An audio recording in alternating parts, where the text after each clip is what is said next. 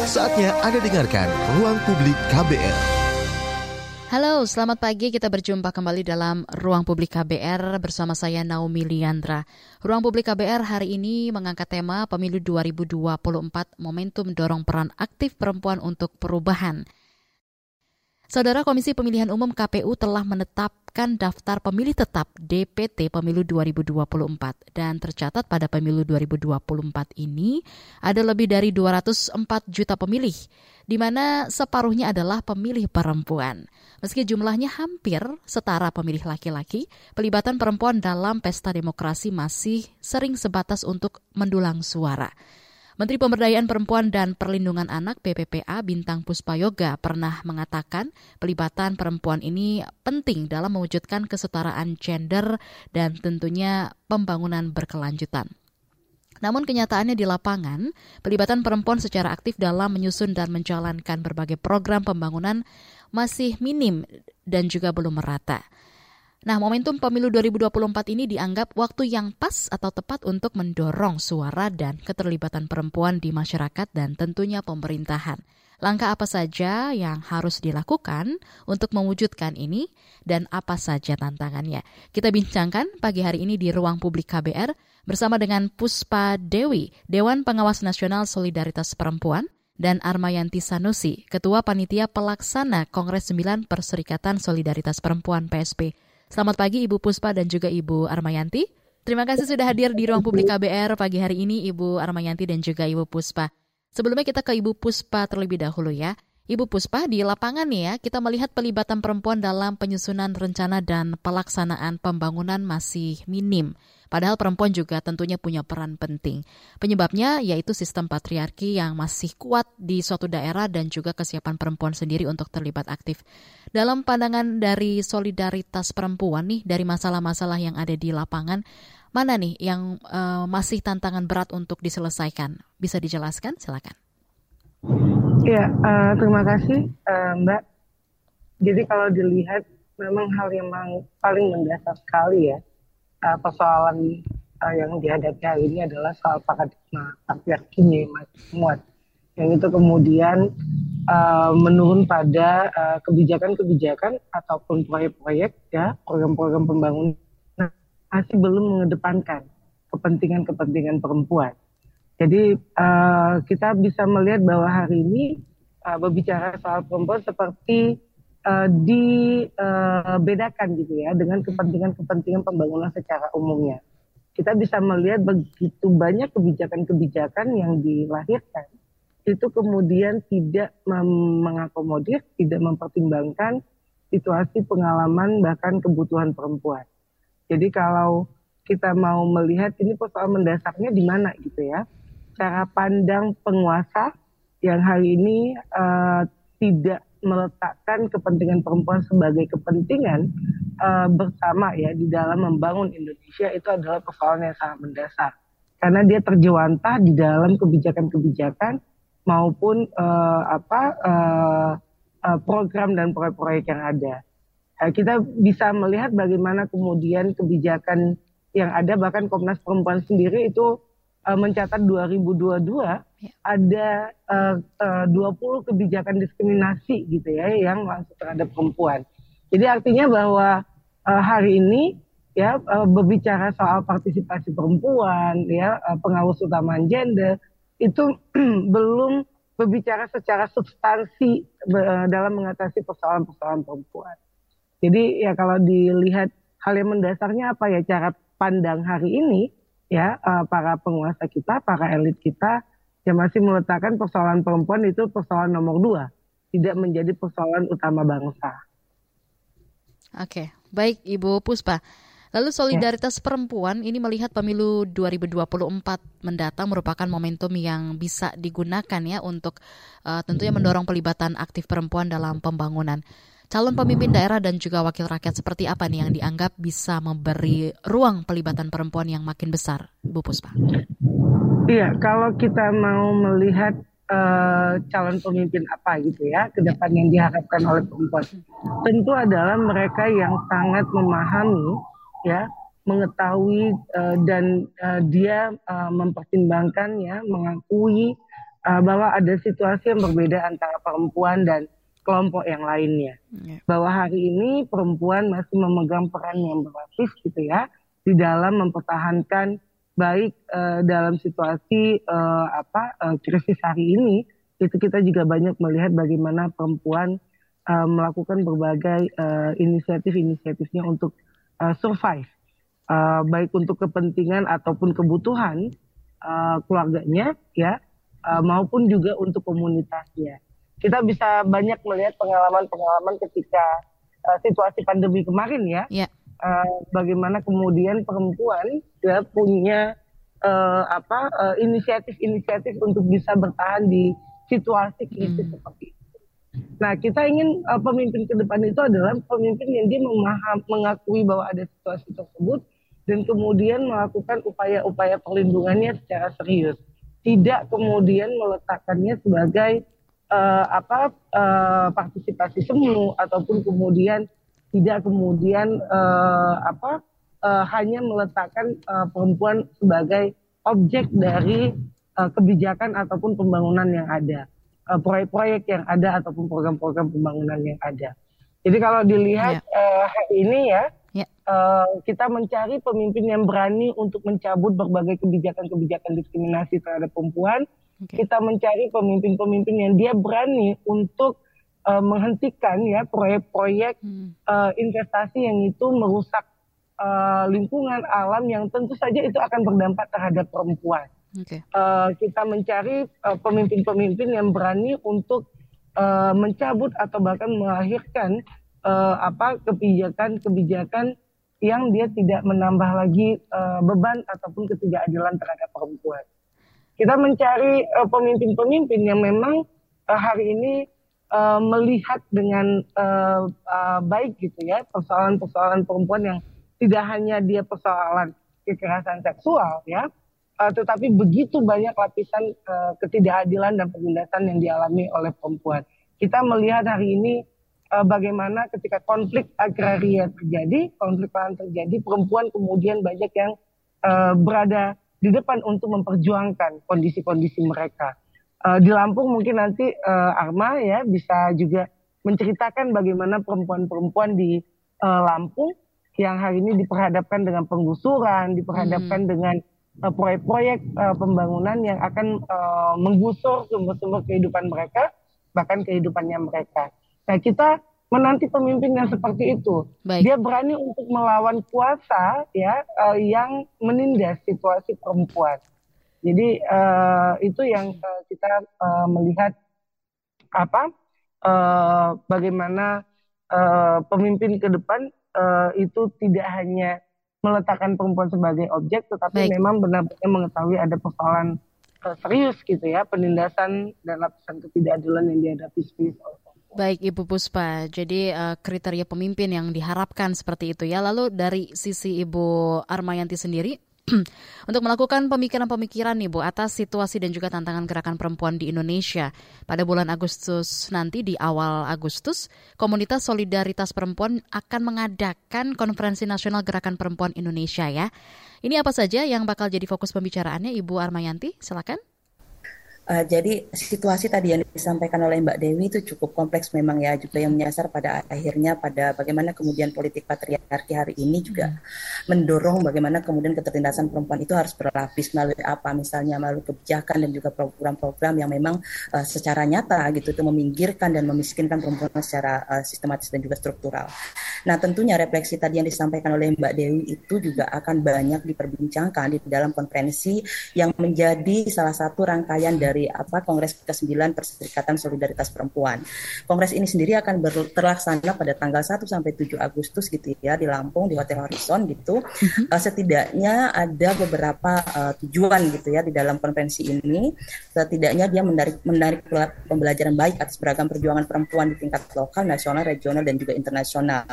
Uh, dan menggali kekuatan dan tantangan yang dihadapi oleh uh, perempuan dalam memperjuangkan hak asasinya dan juga sumber-sumber penghidupan yang disampaikan oleh Mbak Dewi tadi. Misalnya tadi sempat dia menyampaikan ada beberapa konteks persoalan sebenarnya cukup masif tidak hanya di Lampung bicara hmm. soal bagaimana kemudian masifnya sistem pembangunan yang tidak punya perspektif keadilan gender dan juga berbicara soal sumber penghidupan yang berkelanjutan dalam hal ini uh, lingkungan hidup gitu ya bagi yeah. uh, bagi uh, perempuan gitu ini terpinggir uh, di, dihancurkan oleh uh, sistem dari uh, proyek-proyek ada kebijakan-kebijakan proyek-proyek investasi yang memang hari ini cukup masif menyasar baik itu di apa uh, bagi perempuan petani, perempuan nelayan, lalu kemudian juga bicara soal uh, situasi ini mengharuskan perempuan pada akhirnya memilih situasi uh, yang paling berat gitu keputusan politik yang paling berat di dalam hmm. hidupnya harus menjadi pekerja migran karena memang tidak ada lagi misalnya sumber-sumber penghidupan yang ini juga uh, yang harus disandarkan pada ekonomi keluarga. Nah tentunya situasi berlapis ini yang kemudian dilihat solidaritas perempuan sebagai situasi serius gitu ya Mbak yang yang pada akhirnya diceritakan oleh negara melalui politik oligarki tadi, politik patriarki gitu ya yang berdampak terhadap uh, sistem kebijakan dan juga program pemerintah yang tidak sama sekali bagi kami hmm. memiliki perspektif keadilan gender seperti itu. Nah, setidaknya tadi saya sampaikan ada beberapa tujuan gitu di dalam konferensi nasional karena memang sebenarnya konferensi nasional ini adalah salah satu rangkaian gitu ya, ya. yang kemudian juga akan dilakukan pada uh, Kongres ke-9 uh, Perserikatan Solidaritas Perempuan.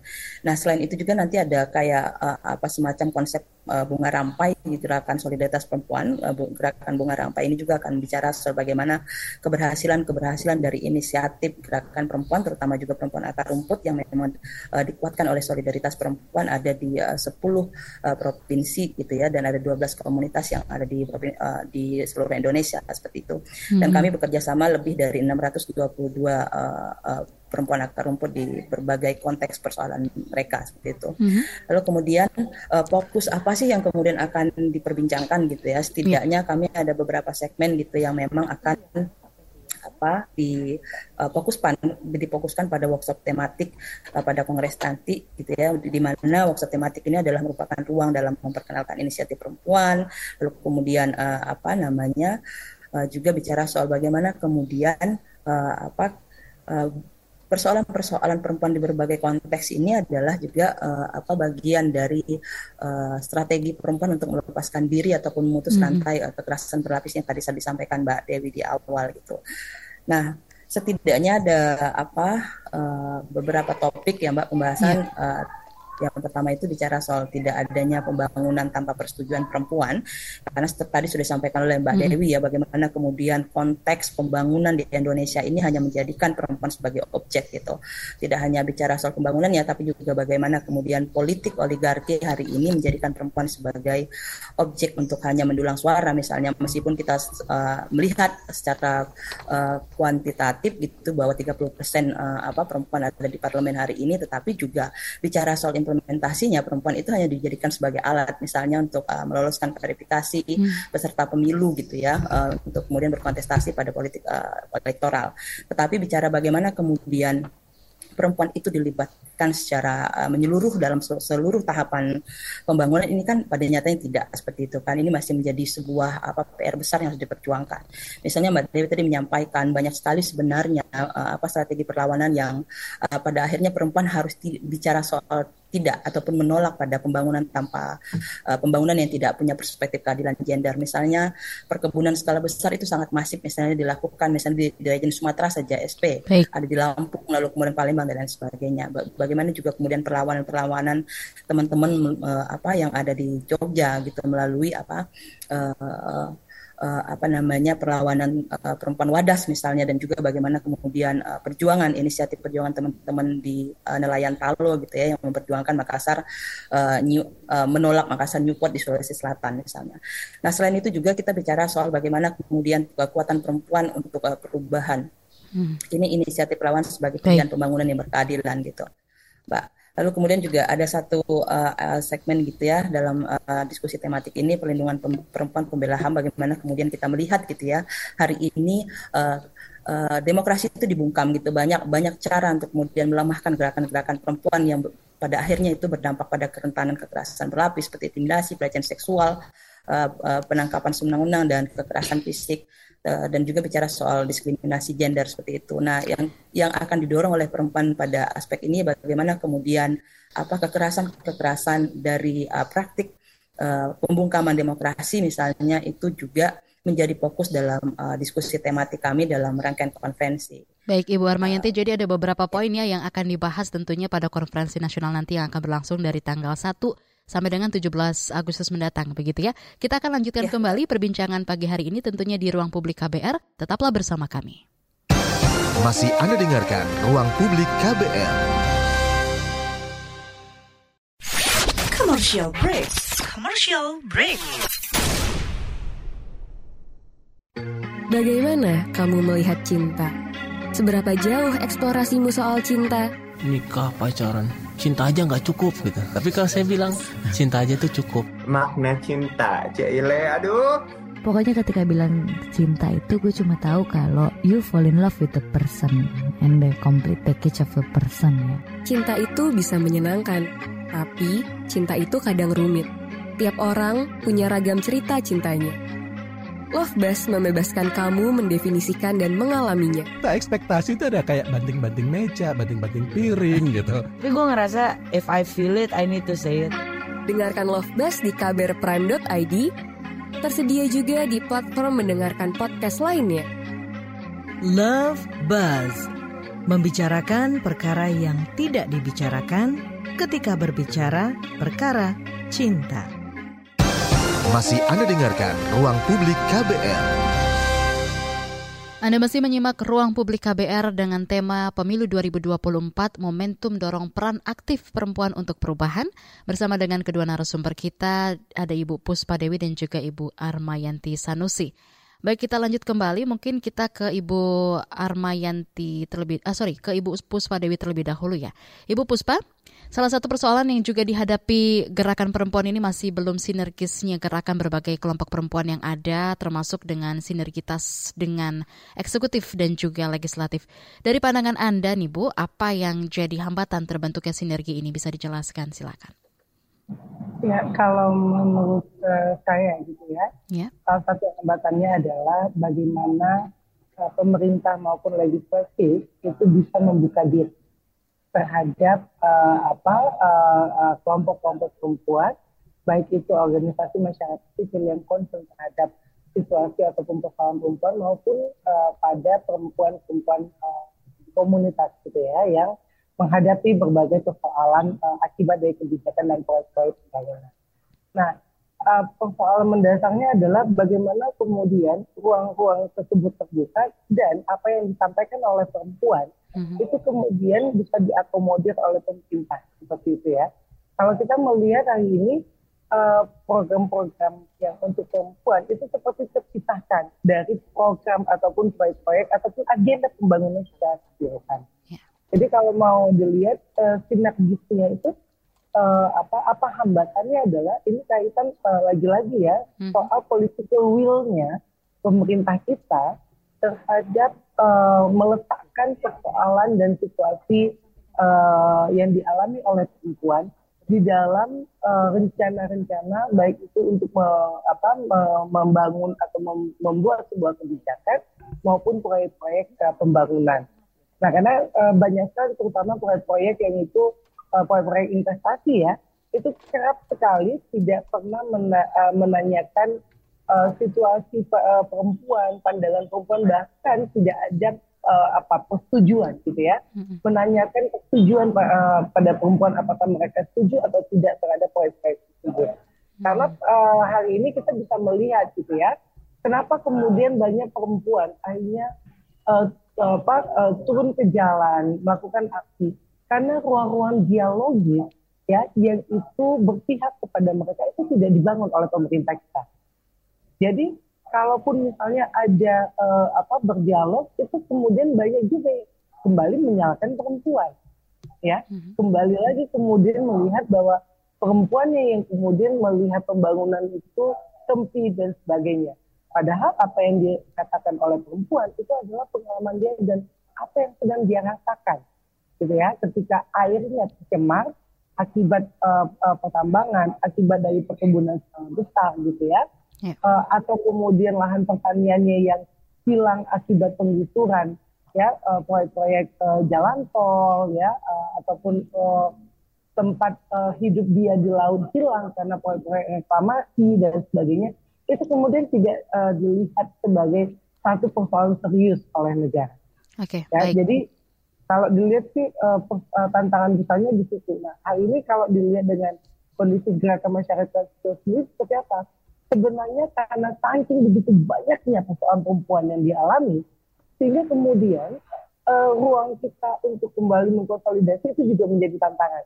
Nah, makanya kenapa konferensi nasional kali ini itu adalah satu ruang yang kita uh, apa uh, gunakan, kita manfaatkan untuk mengkonsolidasikan kembali berbagai persoalan, berbagai situasi yang dialami oleh uh, perempuan di Indonesia khususnya dan tentu saja juga ada pembelajaran dari negara-negara lain untuk bagaimana perempuan bisa bergerak.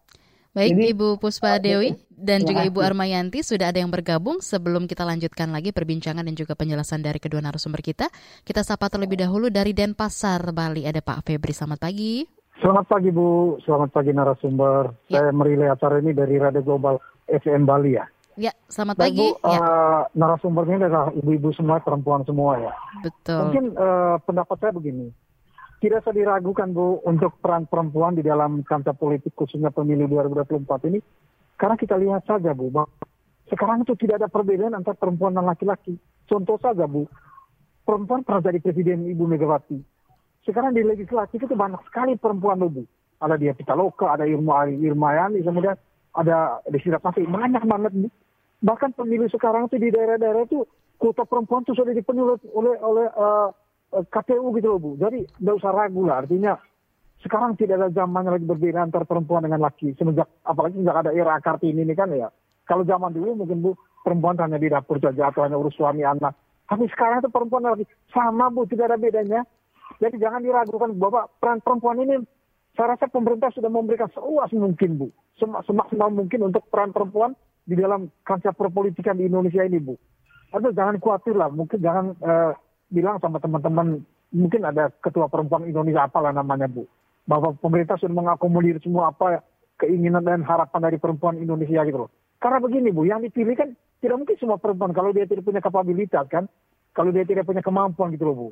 Okay. Apa hanya memenuhi kota saja tidak mungkin kan? Memenuhi kota tetapi dia punya kemampuan untuk bisa duduk di bidang tertentu gitu. Contoh saja dia kita lokal itu memang cocok di sana. Kemudian Irma dari Partai Nasdem itu terus banyak banget tuh menteri itu ada yang perempuan itu kan bu menteri lingkungan Baik itu, Pak Febri. Itu menteri luar negeri. Terima kasih Bu. Oke, terima pagi. kasih Selamat. untuk opini Anda mengenai uh, topik kita pagi hari ini ya. Jadi menurut Pak Febri tidak usah diragukan lagi peran perempuan di kancah politik karena pemerintah sudah memberikan uh, peran ya pada perempuan. Mungkin bisa ditanggapi terlebih dahulu oleh Ibu Armayanti. Silakan Ibu Armayanti. Iya, terima kasih Mbak Naomi. Saya coba menanggapi tadi. Terima kasih Bapak atas apa statementnya. Sebenarnya nggak ada pertanyaan, tapi itu adalah iya. pernyataan yeah. gitu ya.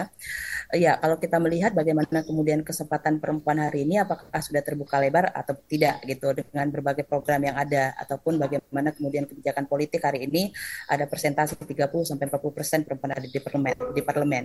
Nah, saya rasa untuk uh, untuk keran gitu ya, memang betul hmm. sudah dibuka. Ini uh, coba pemerintah coba untuk kemudian menyamakan gap tadi di gap star. Tapi saya hanya bisa apa ya memastikan gitu kepada uh, publik hari ini bahwa starnya iya betul sama. Tetapi apakah kemudian yang disampaikan oleh Dewi tadi secara substansi perempuan itu juga dilibatkan misalnya dalam keputusan politik misalnya ataupun keputusan-keputusan di dalam pembangunan di Indonesia? Tentunya tidak. Kalau gambaran kita hanya bicara soal dia pitaloka misalnya gitu dan juga beberapa uh, apa politisi-politisi yang ada di uh, apa namanya pemerintah pusat tentunya juga sangat berbanding terbalik gitu ya bagaimana kemudian partisipasi partisipasi perempuan uh, di politik hari ini hmm. misalnya dari tingkat provinsi saja sampai kemudian uh, pada tingkat uh, kecamatan yang paling mendasar di bawah gitu. Bagaimana kemudian perempuan itu? Saya bisa menjamin itu karena saya bekerja selama hampir 20 tahun gitu ya bersama perempuan di akar rumput gitu. Dan saya melihat bahwa ada situasi politik itu yang kemudian terjadi. Bagaimana kemudian perempuan dijadikan sebagai objek politik? Misalnya dipaksa untuk kemudian uh, mencalonkan diri sebagai uh, caleg gitu hanya untuk hmm. memenuhi uh, standar kota yang memang itu menjadi prasyarat dari KPU misalnya seperti itu. Nah dan kemudian juga bicara setelah misal, misalnya mereka terpilih, apakah kemudian secara substansi dan kemudian juga uh, secara apa ya, secara praktiknya mereka juga bicara soal bahwa ini perempuan memiliki kedaulatan itu gitu di dalam uh, menentukan uh, kebijakan apa yang secara eksplisit gitu yang hmm. disampaikan oleh Kak Dewi tadi ya bicara hmm. soal pengalaman perempuan, terus kemudian situasi perempuan itu kemudian ditarik secara eksplisit untuk kemudian membangun sebuah kebijakan di negara ini itu masih saya bilang uh, saya harus menegaskan bahwa itu tidak terjadi seperti itu. Tapi perempuan betul saat ini banyak yang duduk di parlemen, tetapi ini juga tetap menjadi apa namanya objek politik. Kalaupun mereka misalnya tidak mampu untuk kemudian bertarung gagasan dan lain sebagainya, atau mereka akan dibawa ke dalam uh, sistem politik oligarki sendiri atau politik patriarki. Misalnya saya ya. harus sampaikan bagaimana kemudian Puan Maharani yang hari ini adalah perempuan, tetapi bagi saya, bagi saya ya Mbak ya, hmm. Puan Maharani tidak memiliki cara perspektif keadilan gender melihat situasi perempuan hari ini. Misalnya dia mengesahkan rancangan undang-undang omnibus. Hmm. Ini bicara soal bagaimana Puan Maharani tidak punya bacaan terkait situasi perempuan ketika memang undang-undang tersebut di, harus disahkan gitu bagaimana kemudian kerentanan-kerentanan berlapis itu juga akan dialami oleh perempuan di berbagai aspek dan juga ranah. Uh, menurutku seperti itu. Oke, baik. Mungkin tanggapan dari Ibu Puspa seperti apa Ibu? Silakan atas pernyataan dari penelpon kita mungkin tambahan juga dari Ibu Puspa? Monggo Bu. Dan menambahkan saja tadi yang disampaikan dengan uh, Arma ya, ya. dengan Ibu Arma. Uh, begini kita bisa melihat satu ya sejauh mana kemudian perempuan-perempuan uh, satu afirmasi uh, perempuan ada di politik itu juga perjuangan panjang. Sampai hari ini ada kuota 30 tapi itu nggak cukup. Karena kita coba lihat lagi sejauh mana misalnya di dalam partai sendiri itu dia membangun soal apa dia membangun peningkatan peningkatan kapasitas bagi caleg-caleg perempuan. Ini kan kalau dilihatnya di mana mau uh, ada apa pemilu baru di situ dicari perempuan gitu ya untuk memenuhi kota. Tetapi tidak dibangun secara sistematis bagaimana penguatan kapasitas perempuan sehingga ketika dia berhadapan dengan uh, uh, apa uh, di parlemen misalnya ataupun ketika dia menjadi kepala daerah dan sebagainya memang itu dia sangat memahami yang dibilang dengan situasi perempuannya. Bagaimana kemudian bisa responsif dengan kebijakan-kebijakan ataupun uh, program-program yang akan dilakukannya, uh, uh, yang akan di apa uh, disusunnya begitu. Nah, kita lihat lagi siapa kemudian perempuan-perempuan yang naik hari ini. Dia punya privilege, ya. Dia uh, punya pendidikan, dia punya akses pendidikan, dia uh, berasal misalnya dari uh, keluarga yang memang sudah punya kuasa, mm-hmm. ya tapi apakah perempuan-perempuan yang di kelas bawah punya akses itu? Kan itu yang menjadi eh, pertanyaan kita, bukan hanya akses, tapi apakah kemudian mereka bisa mengontrol bagaimana kemudian kepentingan-kepentingan perempuan itu menjadi kepentingan pertama. Okay. Yang tadi seperti disampaikan, misalnya perempuan petani, dia punya kepentingan terhadap pengetahuan, pengalaman dia di dalam konteks uh, pertanian. Mm-hmm. Tetapi dengan pembangunan yang ada yang itu menggusur lahan pertanian, apakah kemudian mempertimbangkan apa yang terjadi pada perempuan? Karena akhirnya ketika ya lahan pertaniannya dirampas, maka itu kan mencabut pengalaman, mencabut uh, apa sumber penghidupan perempuan. Jadi kalau dilihat, baik, ya, uh, apa hari ini uh, uh, yang yang uh, yang tadi kita sampaikan, jadi masih diletakkan sebagai objek. Karena begitu berbicara soal kebijakan yang vital, proyek-proyek vertikal, perempuan itu diekskluskan, tidak dipertimbangkan, bahkan ya uh, apa uh, ditanya setuju atau tidak. Karena begitu banyak perempuan yang mengatakan tidak setuju, oh proyeknya jalan terus. Baik Ibu, kan berarti itu, perempuan ini memang perlu juga dilibatkan untuk pengambilan keputusannya Ibu ya, bukan hanya secara uh, objek saja. Nanti kita akan lanjutkan kembali perbincangan ya. kita pagi hari ini. Tetaplah bersama kami. Masih Anda dengarkan Ruang Publik KBR. Yuk follow social media KBR. Twitter at Berita KBR, Instagram at KBR.id, Youtube Berita KBR. Masih Anda dengarkan Ruang Publik KBR. Pemilu 2024 momentum dorong peran aktif perempuan untuk perubahan di ruang publik KBR bersama dengan kedua narasumber kita dari PSP ada Ibu Armayanti dan juga dari Solidaritas Perempuan ada Ibu Puspa. Baik e, Ibu Armayanti, tadi sempat kita bahas mengenai kegiatan ya eh, Konferensi Nasional Gerakan Perempuan Indonesia yang akan diadakan pada awal Agustus di tanggal 1 sampai dengan 17 Agustus mendatang. Boleh tahu Ibu eh, dari hasil konferensi nasional ini nanti akan digunakan seperti apa Bu ke depannya? Silakan Ibu Armayanti.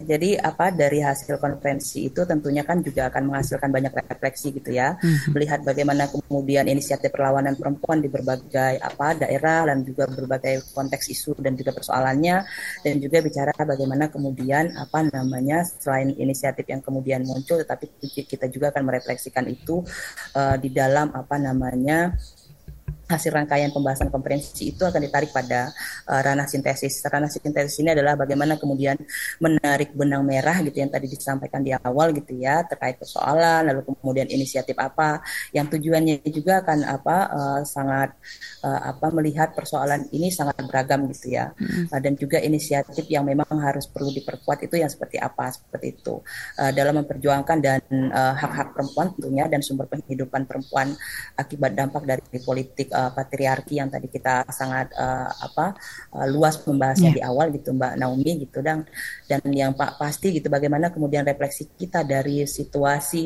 uh, pembangunan dan juga politik uh, patriarki ini juga tentunya memiliki dampak yang sangat uh, apa berlapis gitu ya terhadap mm. perempuan. Nah dari hasil situasi yang tadi gitu refleksi dan juga bagaimana kemudian sama-sama uh, kita melihat inisiatif serta strateginya kita akan uh, merembukan ini bersama gitu gitu ya di dalam apa uh, membangun posisi politik perempuan gitu yang akan dideklarasikan bersama melalui tuntutan kepada pemerintah tentunya gitu.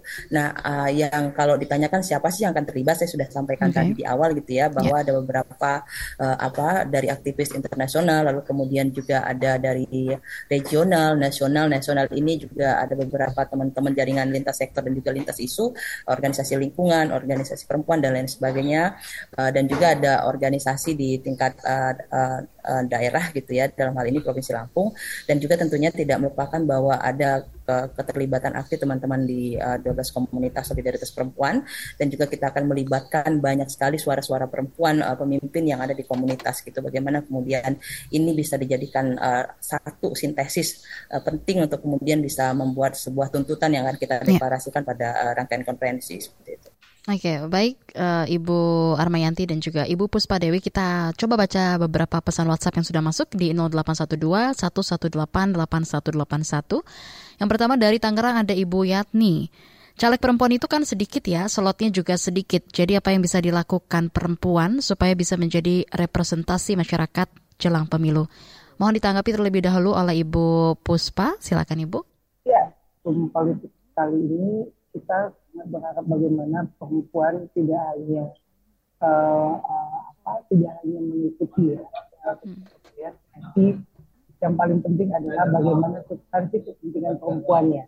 Okay. Jadi uh, apa yang harus dilakukan perempuan hari ini adalah bagaimana mereka bisa mengkonsolidasikan dirinya bertemu mengumpulkan uh, tuntutan-tuntutannya untuk disampaikan kepada para kandidat sehingga tidak hanya uh, urusan pencoblosan tetapi hal yang lebih substansi apa yang dititipkan oleh perempuan-perempuan Indonesia kepada mereka yang akan uh, apa uh, bertarung gitu ya di dalam uh, pemilu 2024 nanti. Nah di satu sisi memang perempuan perlu untuk terus membangun uh, apa kapasitas dirinya, memperkuat dirinya okay. untuk lebih uh, apa kita melihat situasi yang uh, terjadi saat ini dan apa yang sebenarnya diharapkan ataupun diinginkan oleh perempuan dan mengambil peran-peran strategis. Hal yang paling kecil misalnya mengambil peran strategis di tingkat desa. Ya, ruang-ruang pengambilan keputusan, ruang-ruang politik yang ada di tingkat desa itu juga perlu direbut oleh perempuan. Tentunya dengan memperkuat kapasitas dirinya, Mem apa, uh, memperkuat uh, bagaimana membaca, merumuskan, merancang sebuah kebijakan maupun proyek-proyek itu menguntungkan, memberikan manfaat ya uh, terhadap perempuan dan tidak melahirkan lagi ketidakadilan ataupun penindasan terhadap perempuan.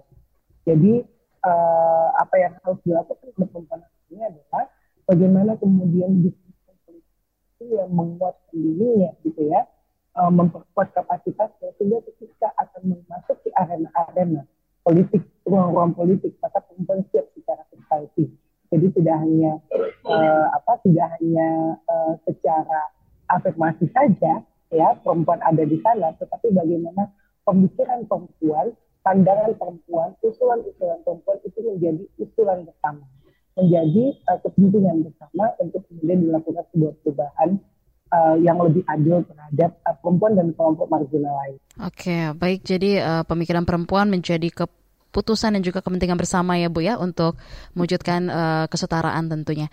Baik, uh, untuk Anda juga sudah mengirimkan pesan WhatsApp, bisa kita bacakan kembali dari Lombok ada Ibu Yuli.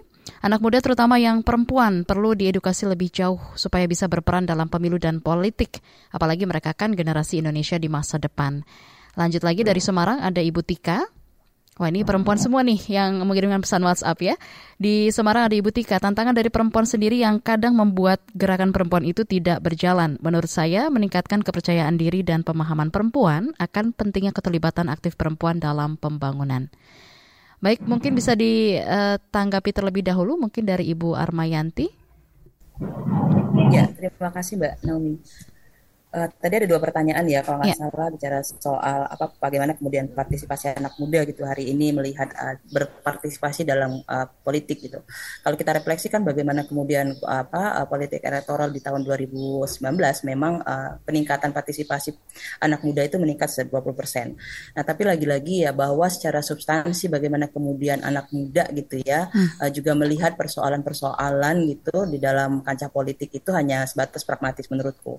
Karena memang juga anak muda meskipun mereka banyak-banyak baca literasi gitu literatur tetapi juga bicara soal bagaimana melihat tatanan sosial misalnya yang paling di bawah misalnya bicara soal perempuan situasi perempuan akar rumput yang kemudian pada akhirnya harus ditarik gitu pada uh, bagaimana kita melihat uh, kepentingan politik hari ini yang hmm. hanya bicara soal bagaimana uh, uh, apa namanya membuka ruang ya, membuka yeah. ruang untuk investasi global misalnya yang memiliki implikasi yang cukup uh, negatif terhadap perempuan ini tidak menjadi uh, bacaan bagi anak muda hari ini. Tapi bagaimana kemudian anak muda mulai uh, melihat kontestasi politik ini adalah sebagai juga yang harus diperbincangkan. Menurut aku sepakat untuk itu. Tapi bagaimana juga kemudian peran anak muda dalam hal ini mendorong uh, apa politik ini juga harus misalnya yeah. politik yang bersih gitu dan kemudian juga politik yang memang uh, apa menolak uh, politik identitas yang notabene hari ini adalah uh, itu memiliki dampak untuk polarisasi uh, rakyat Indonesia dan juga akan berdampak terhadap ancaman kemajemukan di Indonesia misalnya seperti itu. Ini belum menjadi bacaan yang menurutku hmm. secara komprehensif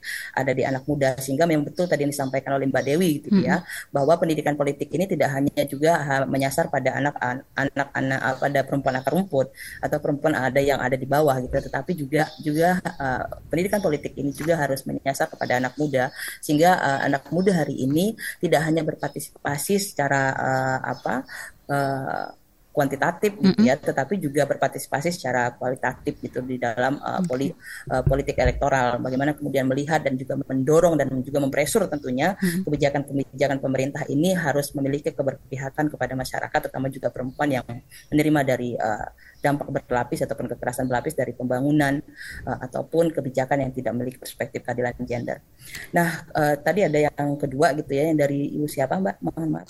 Yang kedua atau yang ketiga ada tiga yang kedua mungkin dari Semarang ya, Ibu Tika. Okay. Tantangan dari perempuan sendiri yang kadang membuat gerakan perempuan itu tidak berjalan. Menurut saya, menurut si Ibu Tika ini, meningkatkan kepercayaan diri dan pemahaman perempuan akan pentingnya keterlibatan aktif perempuan dalam pembangunan. Seperti itu mungkin ya. mau di tambahkan atau ditanggapi juga ya, singkat? Mungkin, mungkin saya silakan. Mungkin saya oh, oke. Okay. Mungkin saya menanggapi ya uh, kalau misalnya tantangan pada perempuan itu sendiri saya saya tidak sepakat gitu ya, tapi hmm. saya lebih sepakat bagaimana kemudian perempuan itu tidak diberikan akses untuk kemudian juga bisa uh, mengaktualisasikan dirinya. Bicara bagaimana kemudian pemerataan pemerata pemerataan informasi misalnya ini sampai ke bawah, ini kan juga tidak terjadi. Bagaimana kemudian tadi yang disampaikan oleh Mbak Dewi bicara bagaimana kemudian perempuan bisa memahami dan memiliki kapasitas dalam pendidikan pendidikan politik ini pun tidak uh, diberikan oleh uh, pemerintah secara uh, apa namanya secara yeah. komprehensif gitu ya dari atas sampai bawah. Kalau kita bicara bagaimana kemudian pendidikan politik hari ini ya betul mm. diberikan misalnya oleh partai politik, tetapi itu hanya di permukaan. Tapi bagaimana kemudian saya tahu sekali gitu ya bagaimana kemudian uh, partai politik hari ini yang saya harus mengulang-ulang terus gitu ya mm. uh, bahwa perempuan misalnya itu dari provinsi sampai kecamatan itu hanya sebenarnya tidak pernah juga dibekali dengan pendidikan politik ataupun okay. akses informasi. Bagaimana kemudian perempuan bisa uh, percaya diri gitu ketika memang secara kebijakan terus kemudian secara program ini sama sekali tidak menyentuh kebutuhan perempuan itu sendiri seperti itu mbak. Oke, baik Ibu Armayanti. Jadi uh, tidak hanya secara kuantitatif saja, tapi secara kualitatif juga perlu ya ditingkatkan. Ibu Armayanti dan juga Ibu Puspa, uh, nanti kita kembali lanjutkan perbincangan kita dan juga untuk Anda pendengar yang ingin menelpon langsung ke 0800 2457893, mohon uh, mencari tempat yang sinyalnya baik supaya nanti suaranya juga terdengar dengan jelas ya. Untuk Anda tetaplah di ruang publik KBR dengan tema kita di pagi hari ini yang sangat menarik adalah pemilu 2024 momentum dorong peran aktif perempuan untuk perubahan. Tetaplah bersama kami. Masih Anda dengarkan ruang publik KBR. Commercial break. Commercial break. Buat kamu yang always hektik, apalagi di kantor yang toxic, working gak ending-ending, ditambah si bos yang grumpy, bikin salty. Apaan tuh artinya, Neng? Artinya si bos cerewet dan bikin bosen. Oh. Join yuk di KBR Pagi, siaran pagi radio paling update, menghadirkan berbagai informasi yang paling update dan terkini, ditambah playlist yang lit and chill. Apaan lagi ini artinya, Neng? Ih, rese. Artinya keren dan menyenangkan. Oh iya iya. Simak KBR Pagi setiap Senin sampai Jumat mulai pukul 7 pagi di radio jaringan KBR dan podcast kbrprime.id. Masih Anda dengarkan Ruang Publik KBR. Kita sudah berada di siaran akhir ruang publik KBR pagi hari ini dengan tema pemilu 2024 momentum dorong, dorong peran aktif perempuan untuk perubahan. Bersama dengan kedua narasumber kita ada Ibu Armayanti dan juga Ibu Puspa dari Solidaritas Perempuan. Baik Ibu Puspa dan juga Ibu Armayanti, kita akan lanjutkan perbincangan kita. Namun sebelumnya kita sapa terlebih dahulu penelpon yang sudah masuk di telepon bebas pulsa KBR 0800 2457 893. Selamat pagi untuk Ibu Desa di Bali. Halo Ibu. Halo, selamat pagi Mbak Naomi. Iya, silakan Ibu Desa. Selamat pagi uh, Ibu narasumber berdua. Ya, silakan. Uh, uh, saya ada sedikit komentar uh, begini. Apa uh, kendala kita sebagai seorang perempuan ya, jangankan ikut uh, terlibat di uh, apa namanya ini di politik nih kancah politik kan begitu. Uh-huh. Kita bicara saja kalau di kampung-kampung ya kita bicara saja tentang politik. Uh, para perempuan yang uh, masih sangat awam dengan hal itu uh-huh. itu akan menganggap kita aneh. Uh, ah orang perempuan jangan jangan sok-sok bicara politik gitu. Perempuan tidak usah bicara seperti itu. Biarkan laki-laki yang bicara. Nah, uh-huh. hal yang seperti ini uh, kalau uh, saya berharap di sini bisalah uh, dari ibu-ibu yang sudah menjadi pejabat, sudah menjadi pejabat. Lalu ibu? Uh, ya, kalau uh, harapan saya di sini uh, bagi ibu-ibu yang sudah menjadi pejabat, ya, hmm. biar sering-seringlah mengedukasi hmm. uh, dan memotivasi seorang perempuan, jangan sampai uh, itu mengedolkan, karena itu kan uh, omongan-omongan yang seperti itu itu mengedolkan semangat perempuan seperti hmm. itu. Oke, okay, baik. Ada lagi mungkin yang mau ditanyakan kepada kedua narasumber kita, Ibu, atau cukup? Uh, ya, saya kira cukup itu dulu. Baik, terima kasih Ibu Desa. Pertama kali bicara. Iya, terima saya kasih dari, banyak ya, dari Bali ada saya Ibu Desa. dari Radio Global FM Bali. Terima Baik. kasih, selamat pagi. Selamat pagi. Terima kasih untuk Anda yang sudah setia juga mendengarkan ruang publik KBR melalui Global FM Bali ya. Salah satunya ada Ibu Desa dan juga tadi ada Pak Febri di Bali.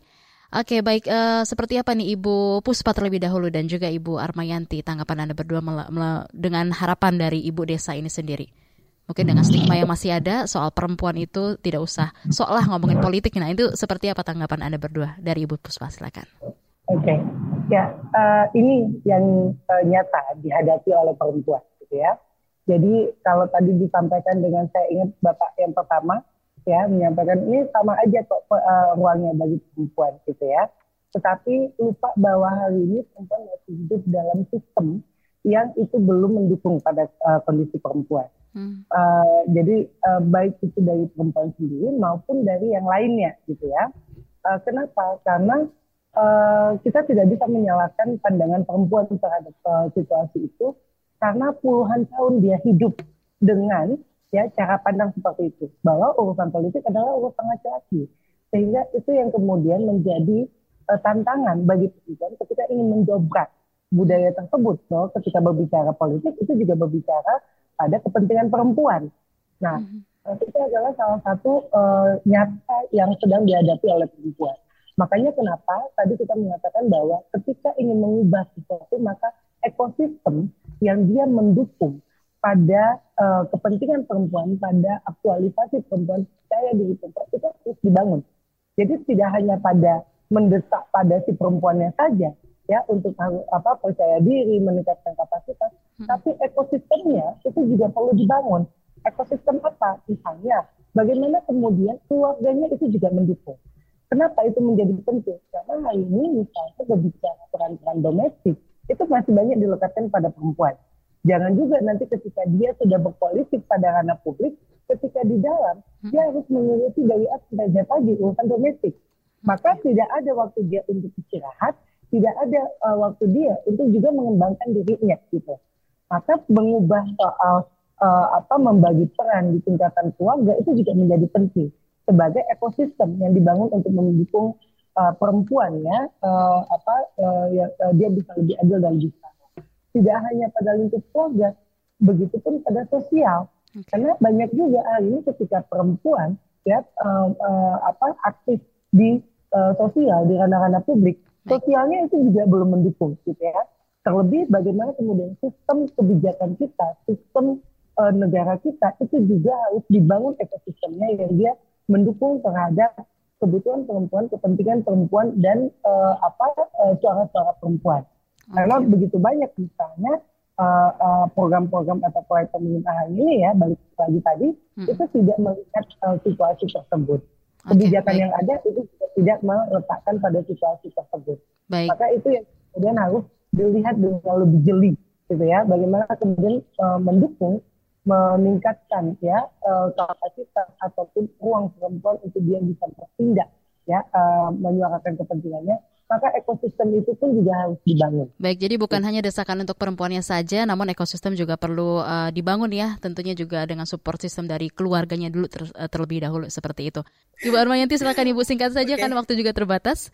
Silakan. Iya, aku oke, okay, aku sepakat tadi disampaikan oleh Kakak Dewi gitu ya. ya, bahwa memang perempuan itu penekanannya juga harus dijadikan sebagai subjek gitu ya. di dalam uh, nggak hanya bicara soal bagaimana kemudian kontestasi politik, tetapi juga pada harus juga dilibatkan pada seluruh seluruh proses tahapan pembangunan di Indonesia agar perempuan tadi tidak memiliki apa namanya tantangan-tantangan sebenarnya tantangan hmm. paling berat itu bukan di dirinya gitu karena saya yakin perempuan ya. itu punya uh, kapasitas yang banyak di dalam dirinya ya mau perempuan di, di kelas apa pun hmm. menurut saya memiliki apa namanya uh, pengetahuan pengalaman yang memang itu tidak bisa kemudian kita negasikan dan ya. itu harus terus didorong seperti itu tetapi bicara bagaimana kemudian sebuah kebijakan itu meminggirkan mereka mereka, menyingkirkan hmm. mereka hmm. sehingga mereka hanya sebagai objek di sini tidak menjadi sebagai uh, subjek dari pembangunan itu sendiri ataupun bicara soal uh, uh, politik yang memang lagi kita bahas hari ini gitu. Sehingga memang menurutku ketika memang harus menjawab dari tantangan-tantangan tadi tidak ada pilihan lain Mbak Naomi yeah. kecuali bagaimana kemudian kita mendorong perempuan gitu ya. Ini yang dilakukan oleh mm-hmm. solidaritas perempuan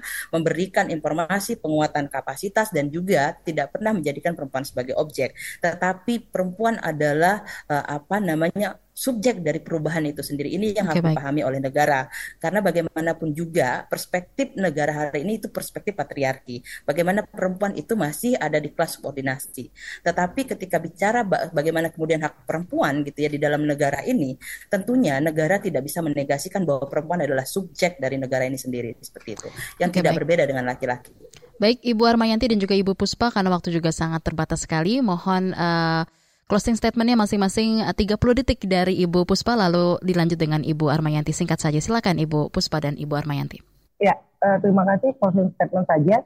Momentum politik 2024 itu uh, harus direbut oleh perempuan ya termasuk perempuan muda. Uh, tidak hanya dalam menjual suara, tetapi hal yang paling uh, substansi adalah bagaimana kepentingan kebutuhan ya uh, perempuan hari ini itu diletakkan menjadi agenda prioritas para kandidat ataupun partai politik. Dan itu harus dikawal ya dan ditagih ya uh, bagaimana kemudian janji-janji tersebut itu harus dipenuhi untuk kepentingan dan uh, apa kebutuhan perempuan sehingga penindasan dan ketidakadilan terhadap perempuan itu bisa uh, hilang ya ataupun beradaptasi. Ya, dari Ibu Armayanti silakan Ibu. Ya, uh, pada momentum politik elektoral ini tentunya ini menjadi ruang ya sekali lagi gitu itu yang memang diharapkan oleh solidaritas perempuan bagaimana kemudian kita bisa merumuskan berbagai strategi dan juga tuntutan kepada pemerintah uh, bahwa pemerintah hari ini melalui politik momentum politik ini juga harus uh, melihat secara eksplisit gitu ya bahwa situasi perempuan itu harus masuk ke dalam agenda-agenda politik uh, di negara ini seperti itu, Mbak. Oke, baik. Terima kasih banyak untuk kedua narasumber kita pagi hari ini. Terima kasih untuk Ibu Puspa Dewi Dewan Pengawas Nasional Solidaritas Perempuan dan juga terima kasih untuk Ibu Armayanti Sanusi, Ketua Panitia Pelaksana Kongres 9 Perserikatan Solidaritas Perempuan PSP untuk waktu Anda berdua di ruang publik KBR pagi hari ini. Akhirnya saya Naomi Liandra pamit. Untuk Anda yang sudah mencoba untuk telepon, mohon maaf karena waktu sangat terbatas jadi kami belum bisa mengangkatnya ya. Terima kasih, selamat pagi dan selamat berakhir pekan. Sampai jumpa. Baru saja Anda dengarkan Ruang Publik KBR. KBR Prime, cara asik mendengar berita. KBR Prime, podcast for curious mind.